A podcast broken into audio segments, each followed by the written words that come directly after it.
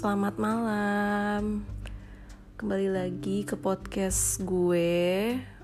Hmm, di pembahasan malam minggu ini, gue akan membahas salah satu um, apa ya, salah satu isu yang mungkin sampai sekarang dari dulu ya sampai sekarang itu nggak pernah berhenti, yaitu kasus bullying bullying. Jadi temanya adalah bullying ya. Bullying itu uh, bisa dari mana sih gitu kan? Sebenarnya kalau dibilang faktor bullying itu dari mana? Sebenarnya sih banyak banget faktornya dari mana aja.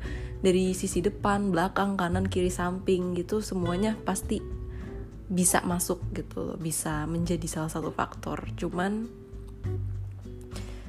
uh, mungkin da, dulu sama sekarang beda kali ya atau mungkin gue yang nggak tahu gue nggak tahu. Cuman kalau dulu faktor bullying itu lebih ke langsung sih lebih kepada perilaku langsung yang ditampilkan gitu. Tapi kalau sekarang kayaknya lebih banyak bullying lewat sosial media ya nggak sih? Kayak komentar-komentar uh, yang menjatuhkan mental terus kayak uh, share-share apa? Share sesuatu yang bersifat privacy gitu kan. Tanpa seizin orang itu. Itu kan jatuhnya bullying juga. Jadi banyak banget faktor bullying yang terjadi saat ini bukan cuma di Indonesia tapi hampir seluruh negara itu ada. Uh, gue nggak tahu sih ya sekarang. Cuman 2018 kemarin gue lihat uh, situs yang terpercaya. Gue lupa nama situsnya itu apa. Cuman itu dari berita gitu ya berita online gitu. Bullying terbesar itu ada di negara Korea. Korea sama Jepang apa kok nggak salah deh. Korea deh kalau nggak salah. Korea yang paling pertama paling besar kasus bullyingnya. Dan juga faktor resiko bunuh diri karena bullying dan di Indonesia sendiri sebenarnya memang terbilang uh, sebenarnya sih kalau di Indonesia sih sedang-sedang aja ya. Nggak terlalu besar dan nggak terlalu kecil. Cuman um, untuk sekarang untuk sekarang untuk saat ini tahun 2020 ke 2021 itu banyak banget ya uh, apa bukan bullying sih sebenarnya. Tapi gimana ya bilang ya? Bullying juga tapi uh, bersuara juga gitu. Jadi jadi gimana ya? Aduh agak agak bimbang gitu ya jawabnya. Cuman ya oke okay lah gue bilang itu bullying. Karena itu menyangkut pautkan kepada mental seseorang. Di tahun 2020 ke 2021 itu banyak banget body shaming ya kan? Yang lagi viral waktu itu adalah uh, body shaming. Di mana banyak para apa para artis pada para artis para influencer itu tuh menyuarakan stop body shaming gitu. Itu juga salah satu faktor bullying ya. Dan sebenarnya mungkin di negara kita masih ibaratnya masih terbilang nggak terlalu parah gitu. Cuman kalau udah negara lain apalagi uh, Korea gitu ya apa-apa dilihat dari fisik. Maksudnya seorang idol aja tuh fisiknya harus ya kalian tau lah seperti apa gitu. Dan jelek sedikit wah netizen banyak banget tuh komentar-komentar pedes. Sampai akhirnya oh itu gue inget kasusnya Suli ya kan? Almarhum dia meninggal karena kasus bullying dari eh, komentar-komentar uh, para warganya oh, maksudnya para warga negara Korea di sana gitu komentar-komentar pedesnya dan membuat dia menjadi mental down, depresi hingga bunuh diri. Sebenarnya selain kasusnya Soli banyak banget sih di Korea sana, cuman mungkin yang gue tahu kasusnya Suli ini. Nah kalau di Indonesia mungkin gue kurang paham sih ya mengenai kasus bullying yang sampai berujung kepada uh, bunuh diri gitu. cuman karena kita bahas hanya bullyingnya aja kita nggak bahas mengenai ke um, apa mengenai ke bunuh dirinya jadi kita bahas circle bullyingnya aja oke di sini teman-teman ada nggak sih yang pernah mengalami bullying semasa di masa lalunya gitu entah bullying apa pun itu dari mulai bullying verbal bullying apa perilaku bullying apa pun itu melalui media sosial juga. Teman-teman gue hampir 98% ya. Karena sisanya gue nggak tahu. Hampir 98% mereka pernah mengalami kasus bullying di masa sekolah gitu dari SD sampai SMA dan rata-rata kasus bullyingnya itu adalah tentang um, balik lagi body shaming. Tentang fisik physically ya. Um, apa lagi ya? Selain fisik mungkin tentang prestasi kali ya. Prestasi tentang uh, bagaimana dia di sekolah. Maksudnya mengenai pelajaran gitu. Itu juga jadi faktor bullying um, kalau gue sendiri gue uh, kalau boleh sharing di sini kalau gue boleh terbuka sekali di sini gue pernah pernah menjadi salah satu korban bullying itu dari S SD SD iya. Uh -uh. dari SD sampai SMA jadi itu tiap tingkatan tuh pasti ada gue nemuin hal-hal yang mengganggu mental gue pada saat itu jadi gue singkat cerita aja. Jadi yang ada satu um, bullying yang gue sampai sekarang nggak bisa gue lupain. Karena apa bullying itu dilakukan oleh salah satu guru gue sendiri oh ya ngomongin tentang bullying dari guru. Uh, gue udah nonton videonya uh, eh, IG storiesnya. Siapa tuh pacarnya? Deddy Corbuzier. Gue lupa deh. Aduh itu deh yang cantik itu loh yang suka olahraga yang suka fitness. Nah dia juga sama kayak gue kasusnya. Pernah dibully sama salah satu tenaga pengajar di sekolah. Dan uh, gue juga merasakan hal itu di waktu gue waktu itu kelas berapa ya? Kelas 2 SMA atau kelas 3 gitu gue lupa. Pokoknya SMA ada satu guru guru apa ya? Gue lupa deh. Bahasa Indonesia deh kalau nggak salah. Gue lupa. Kayaknya bahasa Indonesia. Guru bahasa Indonesia gue um, dia entah kenapa ya uh, dia ke gue perilakunya uh, awalnya biasa aja cuman sejak gue potong rambut karena kan dulu waktu SMA gue kan suka potong rambut gue nggak suka rambut panjang jadi gue potong sesuka gue aja gitu. Dan kebetulan waktu itu potongan shaggy itu lagi viral banget lagi wah kalau potongan shaggy itu kayak lagi keren banget gitu kan pada zamannya. Terus gue potong shaggy selang beberapa hari kok nggak salah deh gue masuk sekolah setelah gue potong rambut itu guru gue yang ini uh, sakit sih sebenarnya sakit banget kalau inget. Guru gue ini berhenti di samping meja gue. Dia nyentuh rambut gue tuh kayak ngibasin gitu loh ngibasin rambut gue.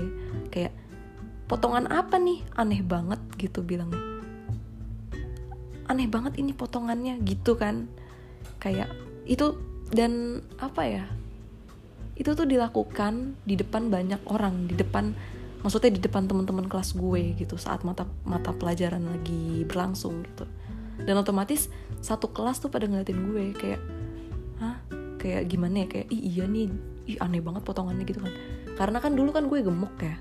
Gue gemuk dan gue cabi banget pada saat itu jadi kayak gue nggak terlalu memperhatikan penampilan. Jadi gue lebih memperhatikan gue nyaman apa enggak pakai potongan kayak gitu. Dan kebetulan guru gue ini uh, membuli gue di depan teman-teman satu kelas. Kayak ini potongan apa nih?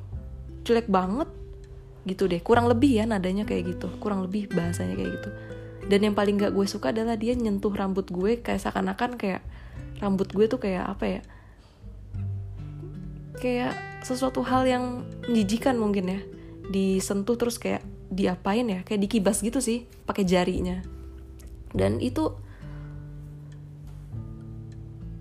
membuat gue kayak nggak pede sama penampilan gue pada saat itu. Bahkan bukan pada saat itu aja bahkan seterusnya. Sampai gue lulus sekolah pun gue kayak udah gue nggak mau potong shaggy lagi.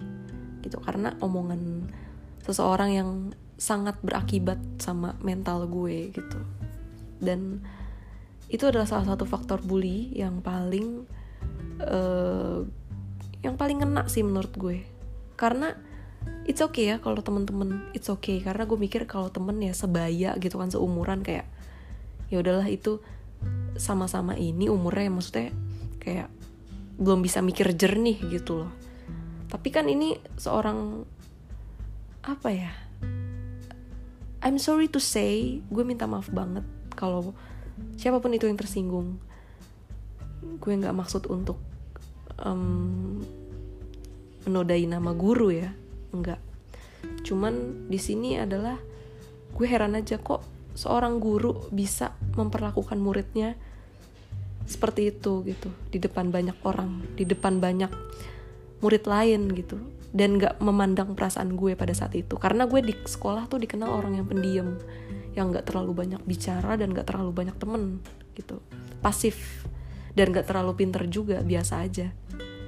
Jadi gue mikir kok bisa sih seorang guru memperlakukan itu ke muridnya ke gue di depan temen-temen yang lain gitu. Nggak menyaring omongannya nggak nggak tahu situasi dan nggak bisa mengontrol apa yang dia lihat gitu dan nggak bisa mengontrol apa yang ingin dia katakan. Kalau misalkan it's okay mungkin gue akan terima kalau dia ngomong saat gue ad, saat ada gue doang gitu. Saat uh, cuman ada kita berdua gue dan guru gue. Tapi ini kan uh, terjadi ketika saat mata pelajaran berlangsung kan dan banyak anak-anak juga di sana. Jadi gue mikir kayak it's not fair nggak adil aja buat gue gitu. Kayak ya kayak gimana ya kayak ya udahlah. Kayak gue dijelek aja gitu kan. Karena kan pada saat SMA itu kan masa pubertas kan lagi tinggi kan. Lagi apa lagi mementingkan penampilan gitu loh. Dan nggak seharusnya orang lain tuh menjatuhkan penampilan kita karena uh, di masa-masa kayak gitu tuh justru pola pikir terbentuk sedang terbentuk gitu mungkin uh, teman-teman gue yang satu SMA sama gue tahu gurunya siapa dan mungkin uh, siapa pun itu yang mendengar gue cuman mau bilang ya udah itu udah kejadian lama gue nggak mau mempermasalahkan hal itu lagi toh. Gue mikir sekarang gitu kan semakin berjalannya waktu semakin gue dewasa gue mikir mungkin guru gue ini uh, belum bisa menempatkan sesuatu pada tempatnya gitu ya. Jadi gue mencoba untuk memaklumi. Cuman yang gak munafik juga gue masih kayak gimana ya terngiang-ngiang gitu. Yang namanya bully kan sesuatu yang mengganggu mental kita. Itu adalah salah satu uh, kasus bully yang pernah terjadi di hidup gue yang paling pahit sih menurut gue.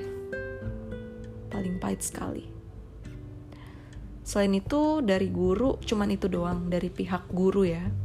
Cuman kisah yang tadi. Kalau dari teman-teman sih bullying apa ya? Bullying dari SMP itu nggak ada deh kayaknya.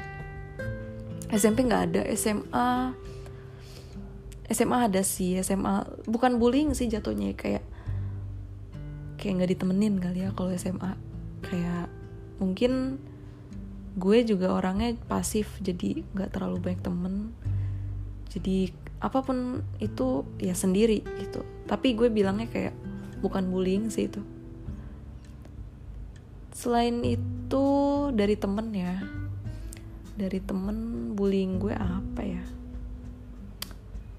Oh oh ada waktu SD waktu SD ada tuh kelas berapa ya? Kelas 1 apa ya? Gue lupa deh masih piik masih kecil banget kelas 1 gue punya temen. Gue gak mau nyebutin namanya siapa Cuma, tapi mungkin dia udah lupa sama gue karena pada saat itu gue sekolah di sekolah itu cuman uh, satu tahun eh dua tahun. Kelas 3 gue pindah karena orang tua gue kerjanya pindah-pindah jadi gue otomatis ikut mereka pindah. Jadi gue sekolah di sekolah itu satu sampai kelas 1 sampai kelas 2 dan kelas 1 itu gue uh, mengalami bullying ada salah satu teman gue sering ngatain gue apa ya? Gue lupa deh. Gue aja lupa tapi karena gue mikir itu ya udahlah masa anak-anak gitu kan. Masa anak-anak yang ya udahlah itu sekarang gue jadi mikir ah itu tuh nggak apa ya masa anak-anak yang ibaratnya cuman ah nih ini ini jelek nih ini ini pendek gini gini gini gitu kan. Tapi gue lupa waktu itu dia ngebully gue karena apa ya. Gue lupa deh. Terus tapi dari situ dari bully temen gue itu yang di SD itu justru gue punya banyak temen. Karena banyak e, beda sekolah mungkin beda cerita kali ya. Karena banyak teman-teman gue pada saat itu memihak ke gue. Lebih banyak berteman sama gue. Dan ada bahkan ada salah satu temen gue yang bener-bener nge-support gue banget.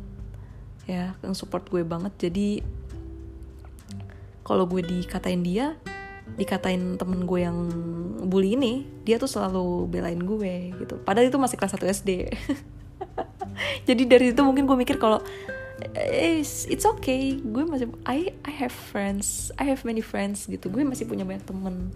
Jadi gue nggak mementingkan hal itu. Gitu. Cuman kalau bully yang paling berasa itu doang sih yang guru. Nah kalau kalian gimana nih? Apa sih bully yang pernah di yang kalian laku yang kalian alamin. Atau kalian mungkin pernah menjadi salah satu pelaku bullying gitu. Kalau gue pelaku bullying gue nggak pernah sejujurnya gue nggak gue nggak pernah ngebully orang. Karena gue sendiri ngerasain gimana rasanya dibully. Dan gue nggak mau melakukan hal itu kepada orang lain. Tapi apa pun itu mau kita menjadi korban ataupun menjadi pelaku apa pun itu ya sekarang kan kita udah dewasa nih udah gede udah udah dewasa lah udah banyak ilmunya udah tahu mana yang baik dan enggak udah bisa nyerap udah bisa nyaring segala sesuatu informasi. Jadi alangkah baiknya di usia yang dewasa segini udahlah stop. Udahlah stop lagi untuk bully. Apalagi yang sekarang lagi viral itu adalah bullying melalui media sosial ya kan? Kayak ada oke okay, nggak usah jauh-jauh kayak kasusnya Nisa Sabian. Perselingkuhan ya kan? Tuh gue banyak tuh lihat komenan itu wah jatuhin banget. Tapi memang gue nggak menyalahkan juga sih.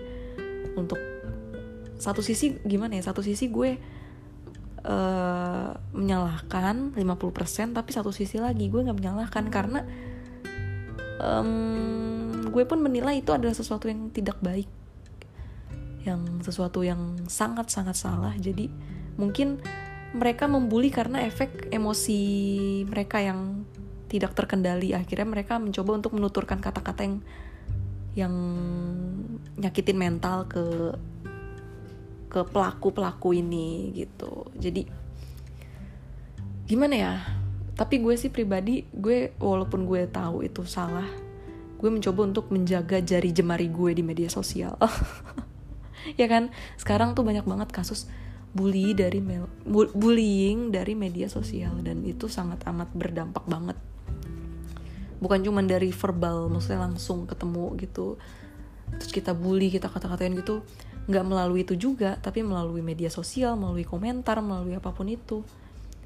Jadi gue sangat menjaga sangat amat menjaga omongan maksudnya uh, ucapan kepada seseorang dan juga jemari jari jemari gue saat mainkan media sosial gitu. Jadi buat temen-temen uh, apa ya yuk kita stop bullying kita kita mulai dari diri kita sendiri.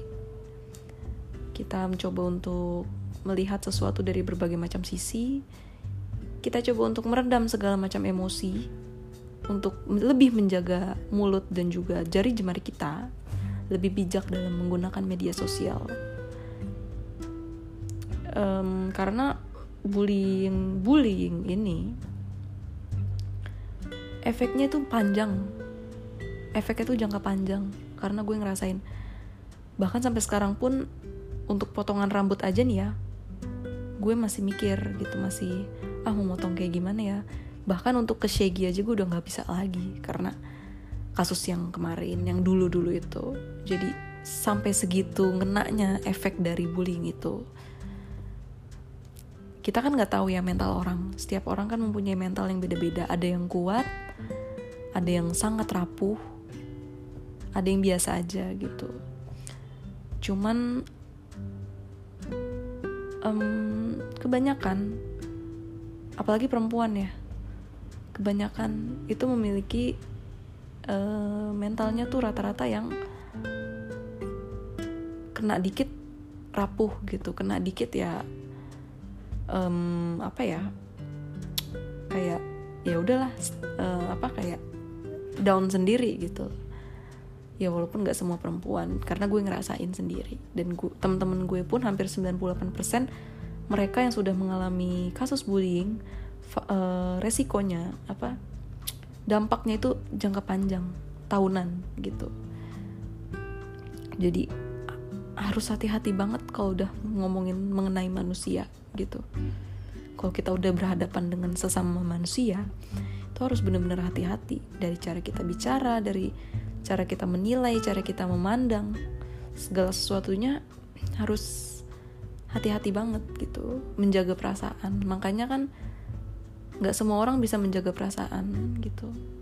Semua orang bisa melihat perasaan orang lain tapi nggak semua orang bisa menjaga perasaan orang lain gitu dan itu penting banget Oke, okay, mungkin segitu dulu aja kali ya podcast hari ini mengenai bullying, resiko, faktor, dan dampak dari bullying. Semoga teman-teman di sana yang pernah menjadi korban bullying tetap fighting, tetap percaya diri, cintai dirimu. Kuncinya adalah cintai diri sendiri. Kalau kita nggak menghentikan diri, uh, bullying itu siapa lagi? Karena yang bisa menghentikan faktor bullying adalah diri kita sendiri yang bisa membangkitkan dan memusnahkan perasaan down itu hanya diri kita sendiri. Nggak, bukan orang lain. Orang lain hanya faktor pendukung, tapi uh, seluruhnya, seluruhnya yang bisa menggerakkan kita hanyalah diri kita. Jadi buat teman-teman semuanya tetap semangat, tetap percaya diri, tetap cintai diri kita sendiri. Dan yang satu, satu hal yang penting, jangan pernah membenci orang-orang yang pernah melakukan hal itu kepada kita. Jangan pernah membenci mereka yang sudah uh, membuat mental kita jatuh. Jadilah orang yang baik, jadilah orang yang bijak, jadilah orang yang selalu menanam kebaikan di mana pun karena even evenly suatu saat nanti kebaikan itu akan kita terima lagi di kemudian hari. Oke teman-teman, semoga bermanfaat, semoga bisa uh, mengubah mindset kita semua menjadi lebih positif. Oh ya, jangan terakhir nih, selama pandemi gue selalu bikin podcast dan di akhirnya gue selalu mengakhiri dengan kata-kata ini. Jangan pernah lupa minum vitamin, jaga kesehatan, pakai masker kalau keluar rumah, cuci tangan terus, jaga kesehatan, terus olahraga yang cukup, banyak minum air putih. Karena kesehatan itu penting, apalagi sekarang corona belum kelar ya kan. Pokoknya teman-teman semua uh, harus sehat harus uh, apa?